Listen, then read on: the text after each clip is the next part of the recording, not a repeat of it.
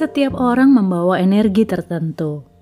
Orang yang positif, ramah, bersemangat, akan menularkan energi yang baik di sekelilingnya. Orang yang negatif, suka berprasangka buruk, suka menyerang dan memojokkan orang lain, malas, seenaknya sendiri, tentu akan berdampak buruk bagi sekelilingnya pula. Kalau makanan untuk tubuh kita saja, kita suka pilih-pilih, demikian pula dengan pertemanan. Kita perlu memilih yang baik agar diri kita jangan terbiasa dengan hal yang buruk yang akan berimbas atau menular pada diri kita. Jadilah pribadi yang memiliki energi yang baik, positif, sehingga lingkungan atau tempat di mana kita ada jadi baik juga.